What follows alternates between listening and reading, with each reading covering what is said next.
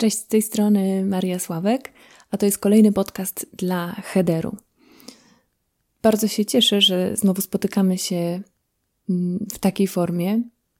Ostatnio kilka razy mieliśmy okazję do spotkań na żywo. Opowiadałam m.in. o Bronisławie Hubermanie i o Wandzie Wiłkomilskiej.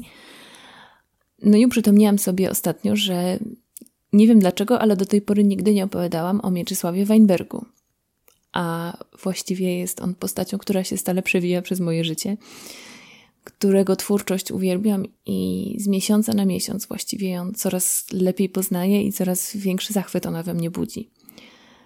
I pomyślałam sobie, że o Weinbergu mówiono już całkiem dużo i całkiem sporo ludzi, wydaje mi się, że już to nazwisko gdzieś słyszało. Jest to zupełnie inna sytuacja niż wtedy, kiedy kilkanaście lat temu ja sama zaczynałam interesować się Weinbergiem. Powstało w międzyczasie mnóstwo świetnych nagrań. Jego twórczością zajmują się muzycy na całym świecie. I chociaż jeszcze wciąż zostało bardzo wiele do zrobienia i bardzo wiele do nagrania, mm, no to sytuacja już jest zgoła inna. Z całą pewnością takim najbardziej znanym utworem Weinberga jest opera Pasażerka, więc jeśli do tej pory jeszcze nie byliście pewni, czy znacie to nazwisko, i czy dobrze Wam się kojarzy właśnie z y, pierwszą operą, która podejmuje temat obozu zagłady, y, obozu w Auschwitz?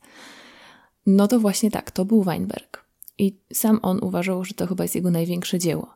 I rzeczywiście z tym dziełem jest najczęściej kojarzony. Nie chciałabym dzisiaj opowiadać drobiazgowo historii jego życia, bo też wydaje mi się, że nie jest to może konieczne, bo takich historii znajdziecie mnóstwo, już zarówno zapisanych, jak i pewnie opowiedzianych.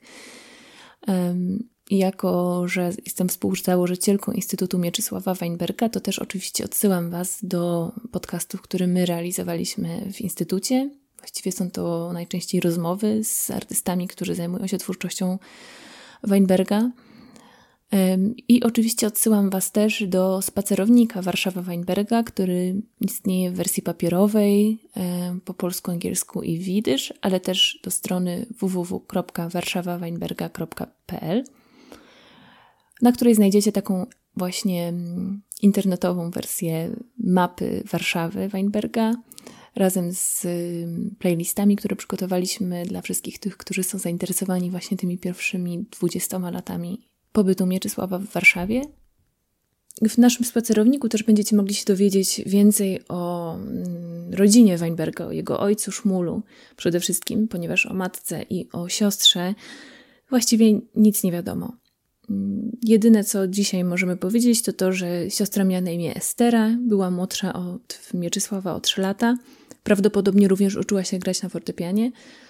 Matka nazywała się albo Surat Wojra Stern, bo tak zostało to wpisane w odpisie aktu urodzenia Mieczysława. On sam twierdził po latach, że nazywała się Sara Kotlicka, ale być może to był pseudonim artystyczny. A zresztą to, co podawano w papierach w Związku Radzieckim, to też wydaje mi się, że nie do końca może powinniśmy się tym aż tak bardzo przejmować. E, w każdym razie liczę na to, że to jeszcze kiedyś wypłynie, że kiedyś jeszcze będzie wiadomo, kim była mama Mieczysława. Ale na dzisiaj musimy się niestety zadowolić takimi strzępkami informacji. Mieczysław Weinberg albo Moisiej Weinberg, Mojsze Weinberg, Moisiej Samuilowicz Weinberg. No tych wersji jest bardzo wiele. I samo to już nam mówi o, o tym, z jakimi zawiłościami tożsamościowymi musimy się mierzyć, opowiadając o Weinbergu. Bo historie kompozytorów, którzy z różnych powodów znaleźli się poza Polską i nigdy już do niej nie powrócili, to pewnie zawsze opowieści związane z y, wojną, dramatyczną ucieczką albo polityką, w którą mniej lub bardziej świadomie zostali wplątani. On sam o swojej historii niespecjalnie lubił mówić. W ogóle chyba był dość cichym, nieśmiałym człowiekiem, ale myślę, że bardzo wiele powiedział nam przez swoją muzykę także przez dobór tekstów do swoich utworów e, wokalno-instrumentalnych, którymi dzisiaj chciałabym się trochę bardziej zająć. Ale zanim o tym opowiem, to jeszcze chwilę chciałabym skupić się na tej tożsamości. E, bo w przypadku Weinberga przez bardzo długi czas, a myślę, że może i nadal, toczy się taka dyskusja, czy on był bardziej Polakiem, czy bardziej Żydem, czy bardziej polskim Żydem, czy bardziej Żydem polskiego pochodzenia, a może w ogóle mm, pochodził z Mołdawii, przynajmniej jego ojciec pochodził z Kiszyniowa, więc może to jeszcze jest inaczej. A może w ogóle był po prostu mm, człowiekiem Związku Radzieckiego. I pewnie żadna z tych, tych opowieści nie jest ani stuprocentowo słuszna, ani stuprocentowo fałszywa. I dlatego to jest wszystko tak bardzo ciekawe. Ale wydaje mi się, że w ogóle nie ma sensu zamykanie ani jego postaci, ani nikogo innego w jednej z takich bardzo eleganckich i zamkniętych szufladek, podpisanych klarownie, że oto właśnie tutaj mamy polskiego kompozytora, a tu mamy radzieckiego kompozytora.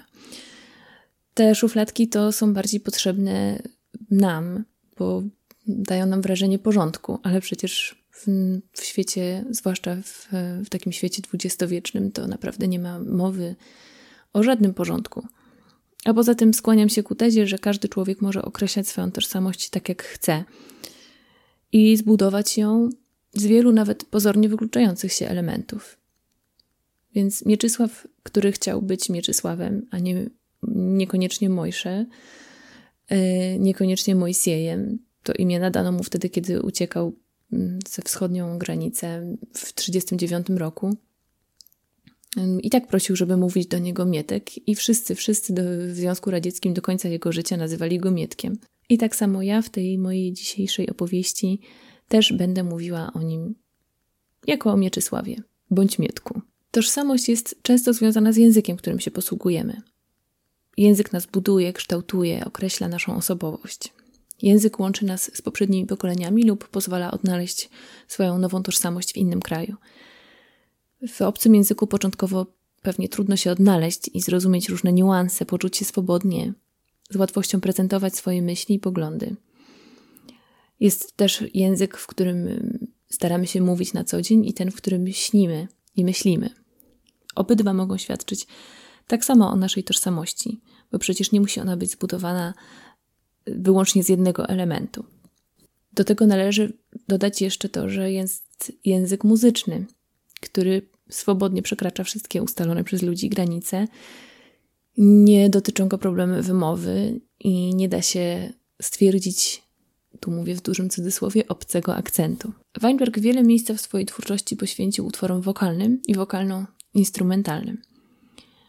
Bardzo często sięgał do poezji swojego ukochanego poety Juliana Tuwima, ale oprócz Tuwima w jego dorobku znaleźć można też pieśni do słów Mickiewicza, Ischoka Lejbusza Pereca, Michała Lermontowa, y, Szmula Halkina, Stanisława Wygockiego, Leopolda Staffa, Elżbiety Szemplińskiej czy Gabrieli Mistral. To też pokazuje nam, że Weinberg dość swobodnie dobierał teksty, na różnych etapach swojego życia. I oto w latach 40. pojawiają się właśnie jeszcze te dwa cykle w języku jidysz. W latach 50., 60. E, pojawi się poezja Juliana Tuwima, a w późniejszych latach często będzie to jednak poezja rosyjska. Weinberg unikał rozmów o swojej historii, bo twierdził, że wszystko zawarł w muzyce. Więc ten wybór tekstów wydaje mi się już opowiadać nam pewną historię i być może także obrazować taką ambiwalencję tożsamościową, która, no chyba mogę powiedzieć pełną e, odpowiedzialnością, że była jego udziałem. W 1944 roku Weinberg skomponował swój drugi cykl pieśni do słów widysz, tym razem do słów Szmula Halkina. Pierwszy napisany kilka lat wcześniej, nazwany był pieśniami dziecięcymi, które kompozytor napisał do tekstów Itzhoka Lejbusza Pereca. Dziś jednak chciałabym zająć się zwłaszcza jedną z tych pieśni z opusu 17, który właściwie w całości poświęcony jest tematyce wojennej. Może warto wspomnieć po trochu, kim był Szmul Halkin – Pierwsza żona Mieczysława, Natalia Wowsi-Michoels, znała Halkina od dzieciństwa, bo współpracował y, z jej ojcem, Solomonem Michoelsem. Oboje związani byli ze środowiskiem teatralnym w Moskwie oraz działali w żydowskim ruchu antyfaszystowskim. Michaels był w ogóle przewodniczącym tego ruchu, który w 1941 roku skupiał już około 70 członków. I ta działalność e, była tolerowana przez władze, a nawet używana w celach propagandowych, ponieważ Stalinowi zależało na otrzymaniu wsparcia w działaniach wojennych od Stanów Zjednoczonych. To w 1943 roku wysłał Michaelsa w delegację, która miała na celu pozyskanie środków finansowych od amerykańskiej diaspory żydowskiej na zakup m.in. czołgów i samolotów. Dziś jasne jest, że tak naprawdę to Stalin dążył do całkowitego wyrugowania elementów kultury żydowskiej ZSRR i tylko użył Michaelsa do własnych celów. Później, po zakończeniu wojny, pozbył się go w zwingowanym wypadku samochodowym. To jest o tyle ważne, że dotyczy bezpośrednio rodziny Mieczysława Weinberga, no i także jego samego, bo po zamordowaniu teścia kompozytor przez kilka lat był śledzony przez NKWD. Nie wolno było mu podróżować. Ostatecznie został aresztowany pod zarzutem burżuazyjnego żydowskiego nacjonalizmu i wypuszczono go z więzienia po kilku miesiącach, prawdopodobnie dlatego, że Stalin w 1953 roku umarł. Czyli w ogóle była brana pod uwagę także i taka opcja, że to może się skończyć dużo, dużo gorzej. Pieśni skomponowane w 1944 roku nie zostały wydane za życia Weinberga i być może dlatego noszą ten oryginalny tytuł i być może dlatego noszą ten oryginalny tytuł Pieśni żydowskie. W poprzednim cyklu do słów Pereca kompozytor zmienił w pierwotnej wersji słowo żydowskie na dziecięce i dlatego mógł je opublikować. W latach 40. narastała kolejna fala antysemityzmu w ZSRR i aktem odwagi było już samo użycie języka jidysz. Pieśni najczęściej wykonuje się jednak w tłumaczeniu na rosyjski. Dopiero od niedawna obserwujemy powrót do oryginalnej wersji dzieła. Szmul Halkin był poetą, który między innymi przetłumaczył na jidysz szekspirowskiego króla Lira dla Moskiewskiego Państwowego Teatru Jidysz. Na początku swojej drogi artystycznej zastanawiał się jeszcze, czy nie zostać aby malarzem. Ostatecznie jednak udzielił mu wsparcia znany już wówczas autor Perec Markisz, który opublikował jego pierwszy wiersz na początku lat dwudziestych w zbiorze pod tytułem Schody. Wkrótce potem ukazał się jego debiutancki tomik. Posłuchajmy, jak o Halkinie opowiada jidyszystka Karolina Szymaniak w rozmowie z Kajetanem Prochyrą. I Halkin jest dosyć nietypowy, jak na pisarzy owego czasu. On e, stroni zarówno od eksperymentu takiego modernistycznego, awangardowego, który cechuje to środowisko kijowskie, jest taką jego też e, właśnie znakiem rozpoznawczym. Potem wielu tych pisarzy migruje czy do Warszawy i tutaj bierze udział w ruchu awangardowym, czy później do Berlina, e, czy dalej do Paryża. Niektórzy wracają na swoją zgubę, jak zaraz okaże. Z drugiej strony też y, y, stroni od takiej typowo proletariackiej, propagandowej poezji. On jest zafascynowany, jest świetnie oczytany, zanurzony jest w tradycji żydowskiej, mistycznej, w kabale. W jego tekstach możemy różne aluzje i nawiązania e, głębokie takie znaleźć właśnie do żydowskiej tradycji.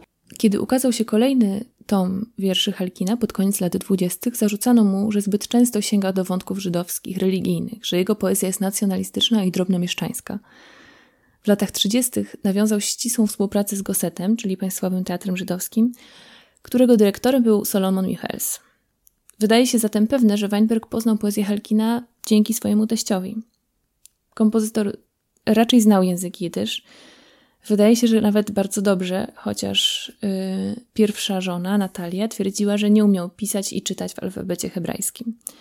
Trudno to dziś do końca ocenić. Pewne jest jednak, że w rękopisie kompozytor zapisał tekst w transliteracji rosyjskiej. Być może rzeczywiście nie umiał posługiwać się alfabetem hebrajskim. Może znał jidysz tylko w wersji mówionej, domowej. Choć wydaje mi się, że Halkin nie był tłumaczony na rosyjski, nie mam takiej stuprocentowej pewności, ale raczej wydaje mi się, że wiersze były y, wówczas opublikowane tylko w jidysz. Być może też uznał Weinberg, że przepisując czy pisząc właśnie transliterację rosyjską, będzie to łatwiejsze dla potencjalnego wykonawcy. Do swojego cyklu pieśni Weinberg wybrał sześć wierszy. Zu die Reute Krieger, czyli do Czerwonych Żołnierzy, Die Mutter, Matka, Nai Your Lied, pieśń noworoczna, Zum Lieben, do ukochanej, Tiefe Grieber Reute Leim, Głębokie groby, ruda glina i Zum Schlachtmann do wojaka. Wszystkie poruszają temat wojny, widziany z różnych perspektyw. Najbardziej znanym wierszem Halkina i zarazem utworem, który w cyklu Weinberga stanowi zdecydowany punkt ciężkości, jest Tifa Grieber Reute Leim, który przeczytam w tłumaczeniu Beli Schwarzman Czarnoty. Grób głęboki, ruda glina. Niegdyś miałem dom i nie mam. Wiosna, sady rozkwitały. Jesień, ptaki wędrowały. Zima, śnieg wciąż sypał biały. Dzisiaj wiatr i ból zostały. Z domem stało się coś złego. Drzwi otwarte zapraszają zbójców i morderców wszelkich, tych, co zabijają dzieci, tych, co starców prześladują, tych, co ludzi nie szanują.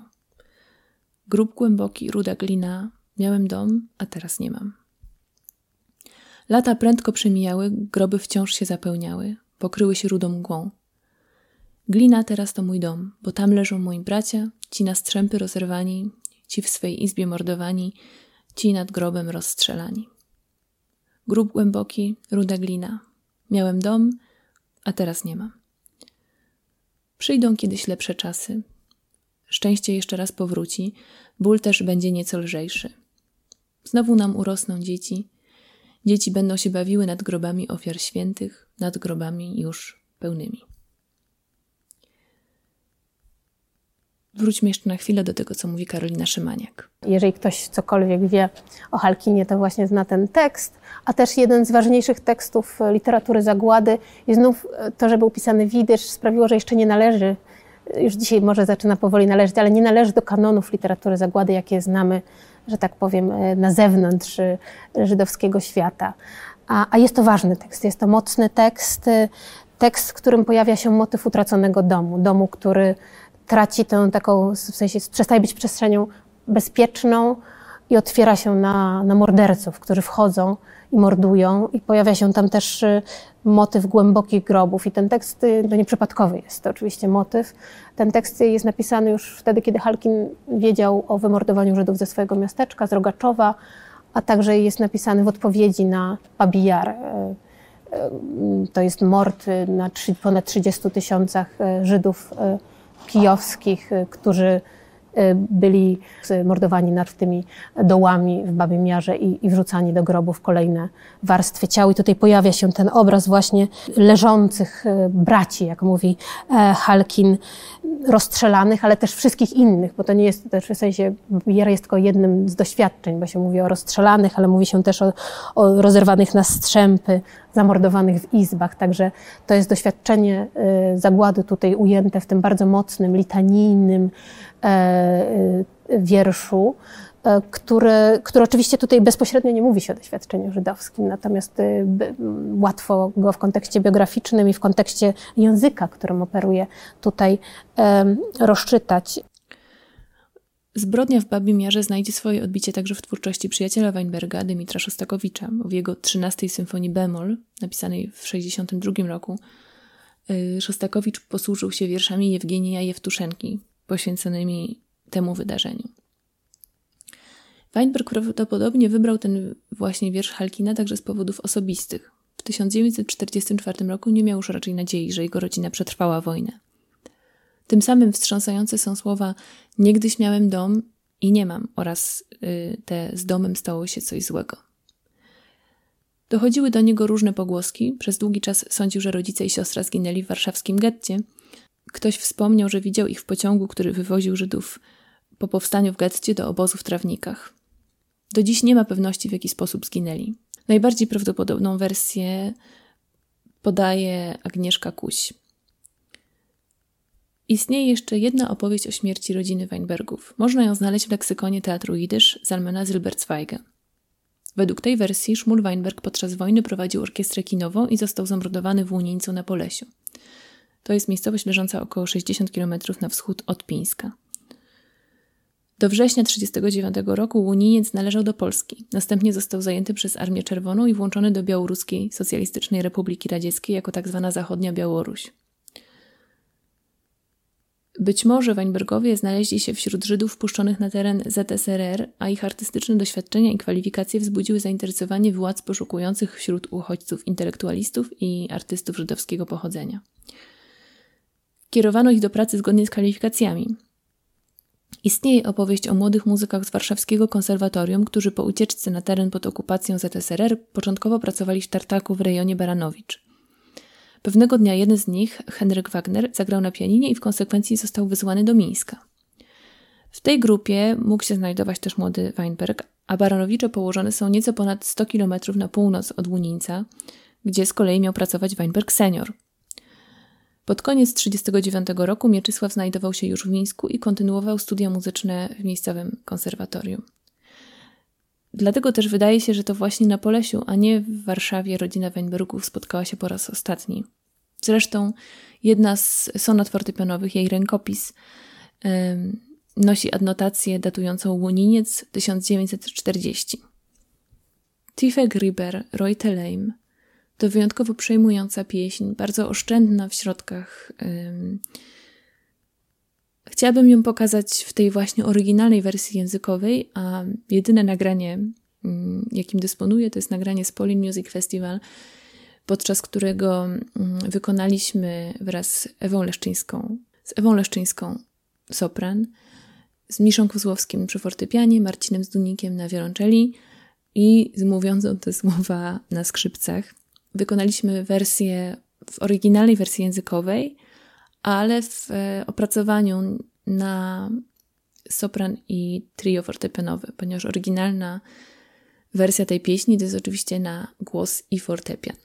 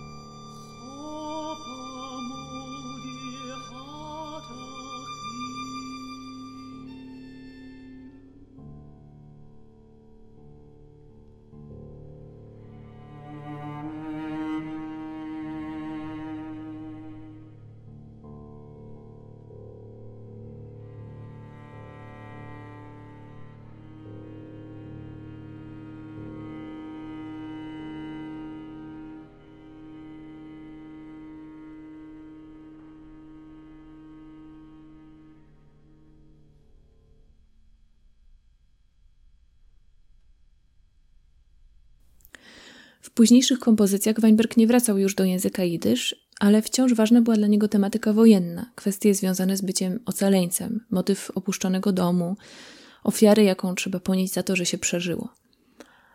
Nie mówił o tym no, bezpośrednio. Wśród nielicznych cytatów z jego wypowiedzi pojawia się zaledwie kilka, które odnoszą się do jego własnych doświadczeń. Mówił na przykład: Jeśli uważam siebie za osobę wyróżnioną poprzez ocalenie życia, Fakt ten daje mi swoiste przekonanie, że spłacenie długu jest niemożliwe, że nawet ciężka praca twórcza 24 godziny na dobę przez 4 dni w tygodniu nie przybliży mnie ani ocal do tej spłaty. Dużo mówią nam teksty, które wybierał do swoich utworów. E, a nawet jak w przypadku 21 symfonii o podtytule Kadisz, poświęconej ofiarom warszawskiego getta, rezygnacja z jakiegokolwiek tekstu i umieszczenie wokalizy w końcowej partii dzieła. Bardzo często Weinberg sięgał po poezję swojego ukochanego poety Tuwima. Do jego słów powstał cykl Biblia Cygańska oraz ym, symfonia numer 8 Kwiaty Polskie. O tych dwóch utworach chciałabym opowiedzieć. Symfonia numer 8 Kwiaty Polskie do słów Juliana Tuwima to obszerne dziesięcioczęściowe dzieło, w którym Weinberg wykorzystuje przede wszystkim fragmenty tomu Kwiaty Polskie. Utwór przeznaczony jest na tenor, chór mieszany i orkiestrę symfoniczną, i opiera się na tekstach, które odnoszą się zarówno do doświadczeń wojennych, jak i sytuacji społecznej i ekonomicznej Polski przed wybuchem II wojny światowej. W rzadko publikowanym wywiadzie sam kompozytor mówi o tym następująco. Podczas wojny cała moja rodzina zginęła z rąk hitlerowskich oprawców. Przez wiele lat chciałem napisać utwór, w którym zawarłyby się wątki opisywane przez Tuwima, społeczne kontrasty w przedwojennej Polsce, horror wojny, ale także głęboka wiara poety w zwycięstwo wolności, sprawiedliwości i człowieczeństwa. Szczególne znaczenie mają dwie części, które nie pochodzą z kwiatów polskich, czyli lekcja, słynny wiersz zaczynający się od wersów Ucz się dziecko polskiej mowy. To przed domem to są groby. Małe groby, wielki cmentarz, taki jest twój elementarz. Muzyka Weinberga oparta jest na rytmie mazurka, który przywodzi na myśl zarówno mazura z opery Halka Stanisława Moniuszki, no jak i nawet mazurka Dąbrowskiego. Jest to jednak jakaś jego taka groteskowa, wykrzywiona, upiorna i właściwie dość przerażająca wersja. Posłuchamy fragmentu w wykonaniu orkiestry i chóru Filharmonii Narodowej pod dyrekcją Antoniego Wita.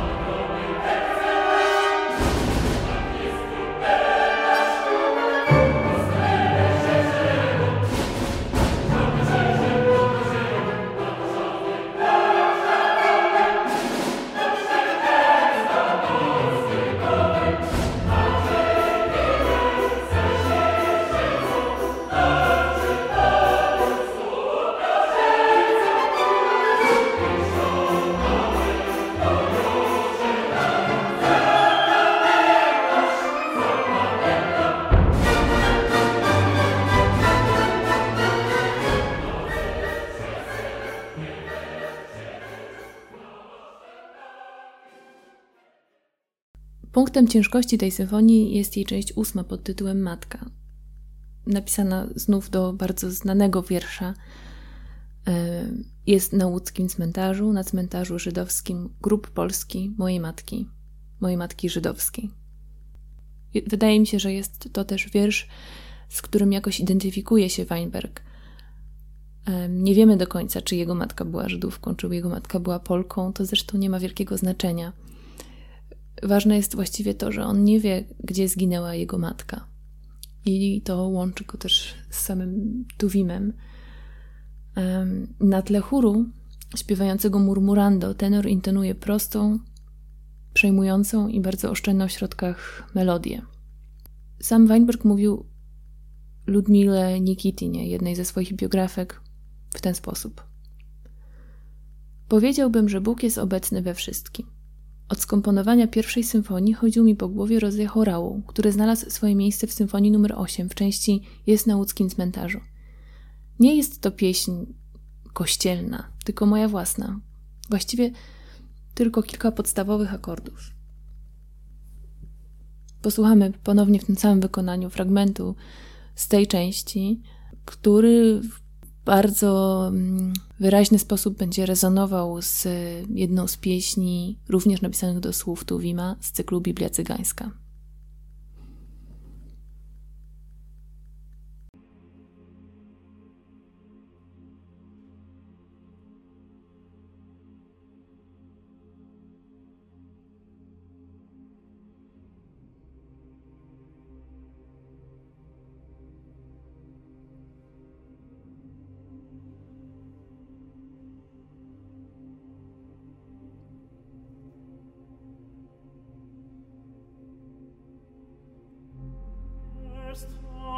scheme is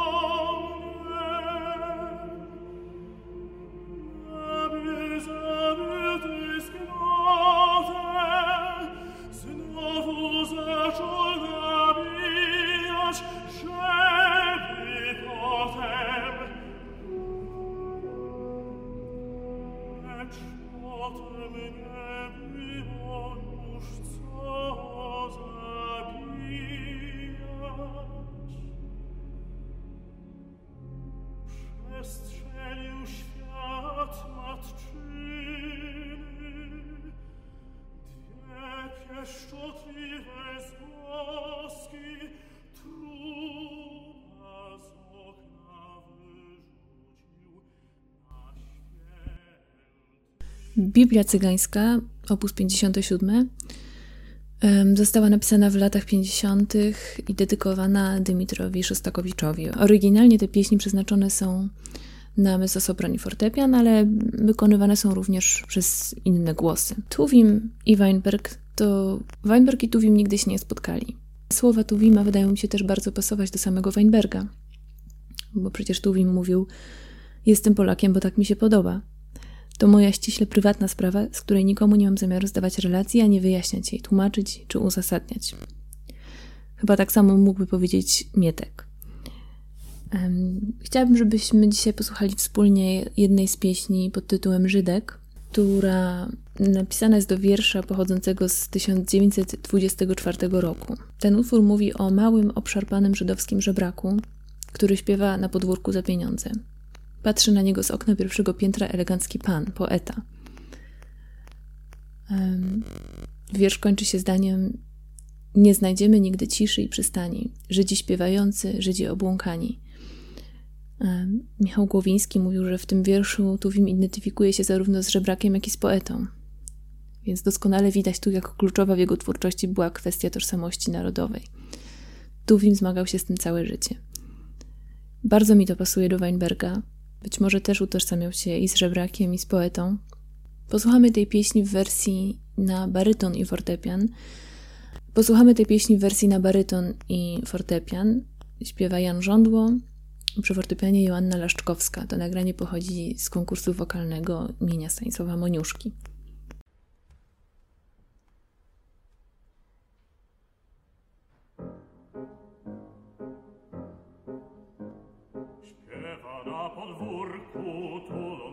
kochany, mały, biedny, biedny chłopiec, Żydek obłąkany. Ludzie go wygnali, Bóg pomieszał głowę, wieki wygnanie i wygnanie pomieszały mowę. Drapie się i tańczy,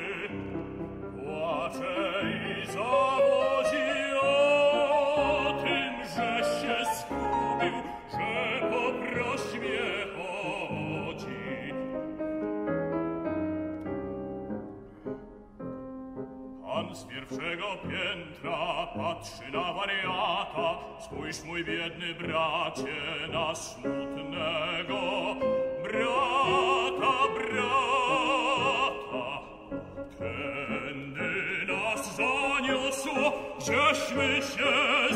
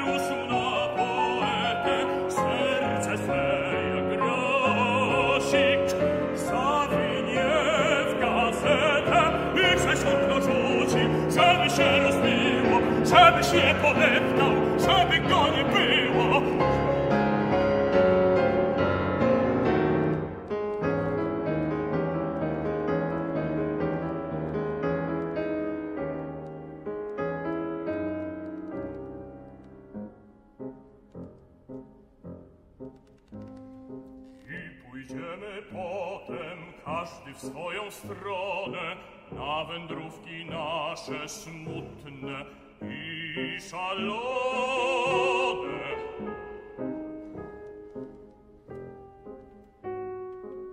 znajdziemy nigdy ciszy i przystani.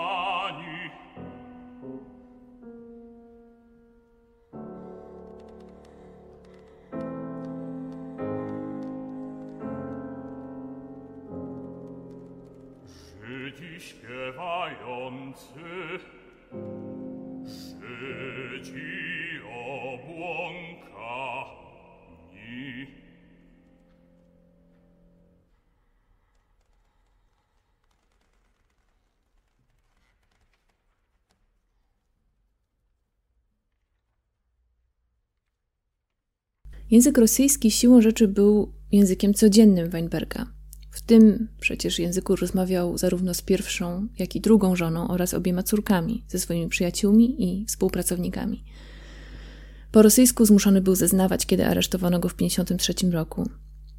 Podczas jedynej wizyty w Polsce mm, w 1966 roku na festiwalu Warszawska Jesień pojawił się jako członek delegacji radzieckiej i początkowo bał się odezwać do kogokolwiek po polsku. Tak o tym opowiada profesor Krzysztof Meyer, który jako jeden z niewielu e, znanych mi ludzi miał okazję osobiście poznać Weinberga. A potem jest rok 66, warszawska jesień. Ponieważ zdałem Weinberga z fotografii, nagle patrzę, to było w, w wielkiej sali w Filharmonii Koncertowej. Wchodzi Weinberg. I podszedłem do niego i ja mówię, przepraszam, czy pan jest, e, to pan jest Majsiej Samuilowicz Weinberg, bo on wtedy jeszcze nie był I pytał pan po rosyjsku? Po rosyjsku, no bo... Mhm. Właśnie, bo to też będę zaraz chciała zapytać, po rosyjsku, na ile znaczy było zacząłem po wiadome, że on rosyjsku, zacząłem Polski. e, po rosyjsku. On powiedział tak i wtedy zapytałem, czy pan może mówi po polsku. Odpowiedział mi piękną, najczystszą polszczyzną i to taką, wie pani, którą się dziś nie mówi, bo to było również wypowiadanie, dykcja i budowanie słów. To była taka stara kultura, jak mówiono między wojnami, czy przed pierwszą wojną światową. Ja się z takim polskim spotkałem kiedyś na Syberii. Tam mieszkali synowie i wnukowie powstańców, powstania styczniowego. No i jakoś tak y, on był trochę nieśmiały, na początku jakby się trochę bał ze mną rozmawiać, ale ja postanowiłem sobie nie, no jak już, już do niego podszedłem, zaczęliśmy rozmawiać, Weinberg, który uwielbiał literaturę i poezję, a w domu posiadał blisko 2000 polskich książek, nie mógł nie szukać inspiracji także w twórczości wielkich rosyjskich pisarzy i poetów. Wśród niezbyt licznych utworów napisanych do rosyjskich tekstów, bo zdecydowanie częściej kompozytor sięgał do literatury polskiej, znalazła się trwająca blisko 20 minut kantata Trzy Palmy, op. 120, na sopran i kwartet smyczkowy, skomponowana do słów Michaiła Lermontowa w 1977 roku. Kompozytor zdecydował się na zastosowanie oryginalnej instrumentacji, być może inspirując się kwartetem smyczkowym op. 10 Arnolda Schoenberga, w którym także pojawia się poza standardowym zestawem instrumentów, czyli y, skrzypcami, altówką i wiolonczelą, głos sopranu. Kwartet imienia Borodina, z którym Weinberg od lat współpracował, w 1977 roku przygotowywał nagranie kwartetu Schoenberga, być może dlatego ten utwór mógł zainspirować Mieczysława. Tak zresztą mówi o tym Danuta Gwizdalanka, jedna z biografek kompozytora. Pomysł ów musiał zainspirować Weinberga, skoro jesienią 1977 roku stworzył utwór na taką właśnie obsadę. Ponieważ głosowi przyznał istotną rolę od początku, to określił go mianem kantaty. W kantacie przeplatają się fragmenty instrumentalne i wokalne.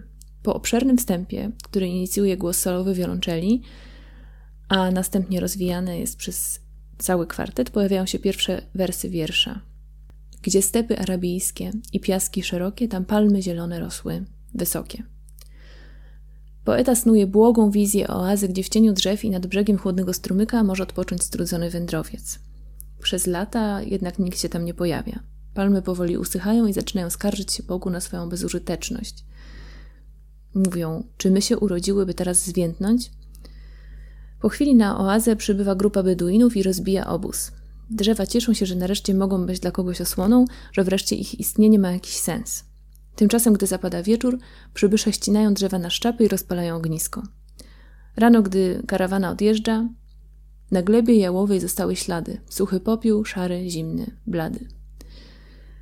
Przytaczam ten tekst, dlatego że trudno nie odnaleźć symbolicznych odniesień do losu Weinberga.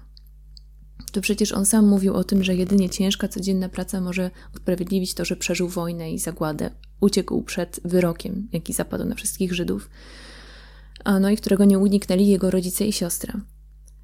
Gwizdalanka sugeruje także, że w latach 70. Weinberg czuł się samotny i opuszczony. W 75 roku umarł jego najbliższy przyjaciel Szostakowicz.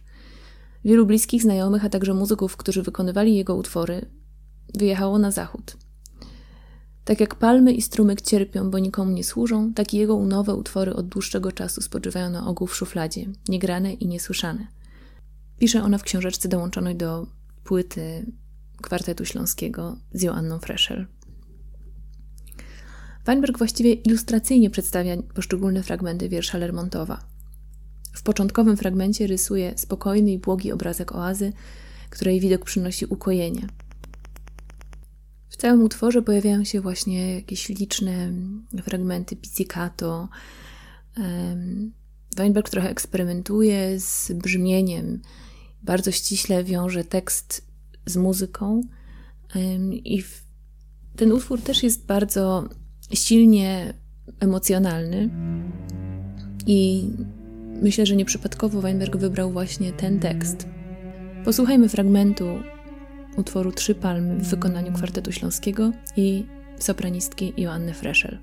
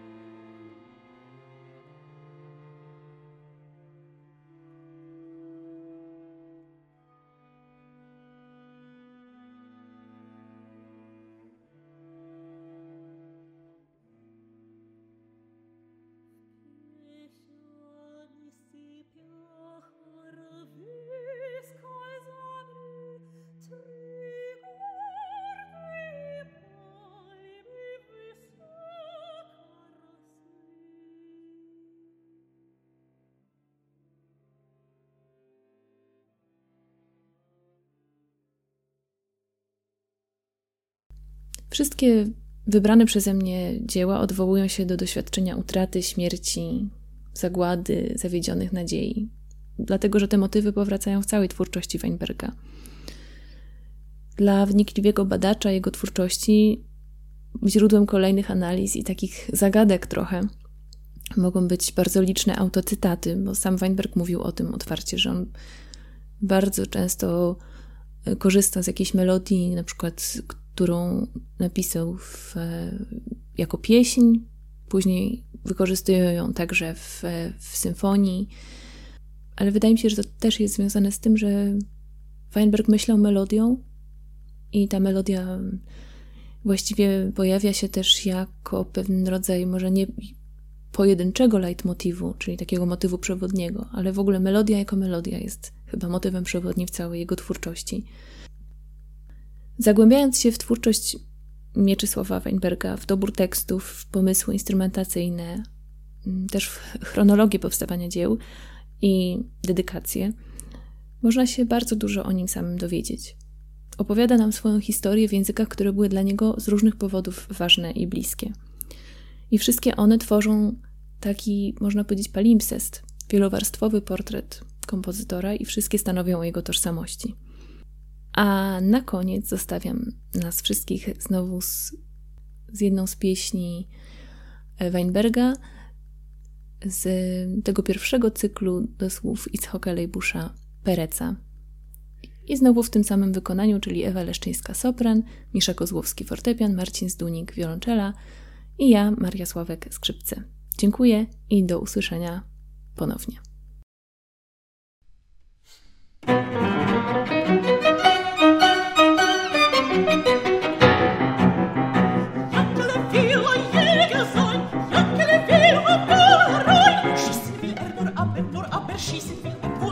Bye.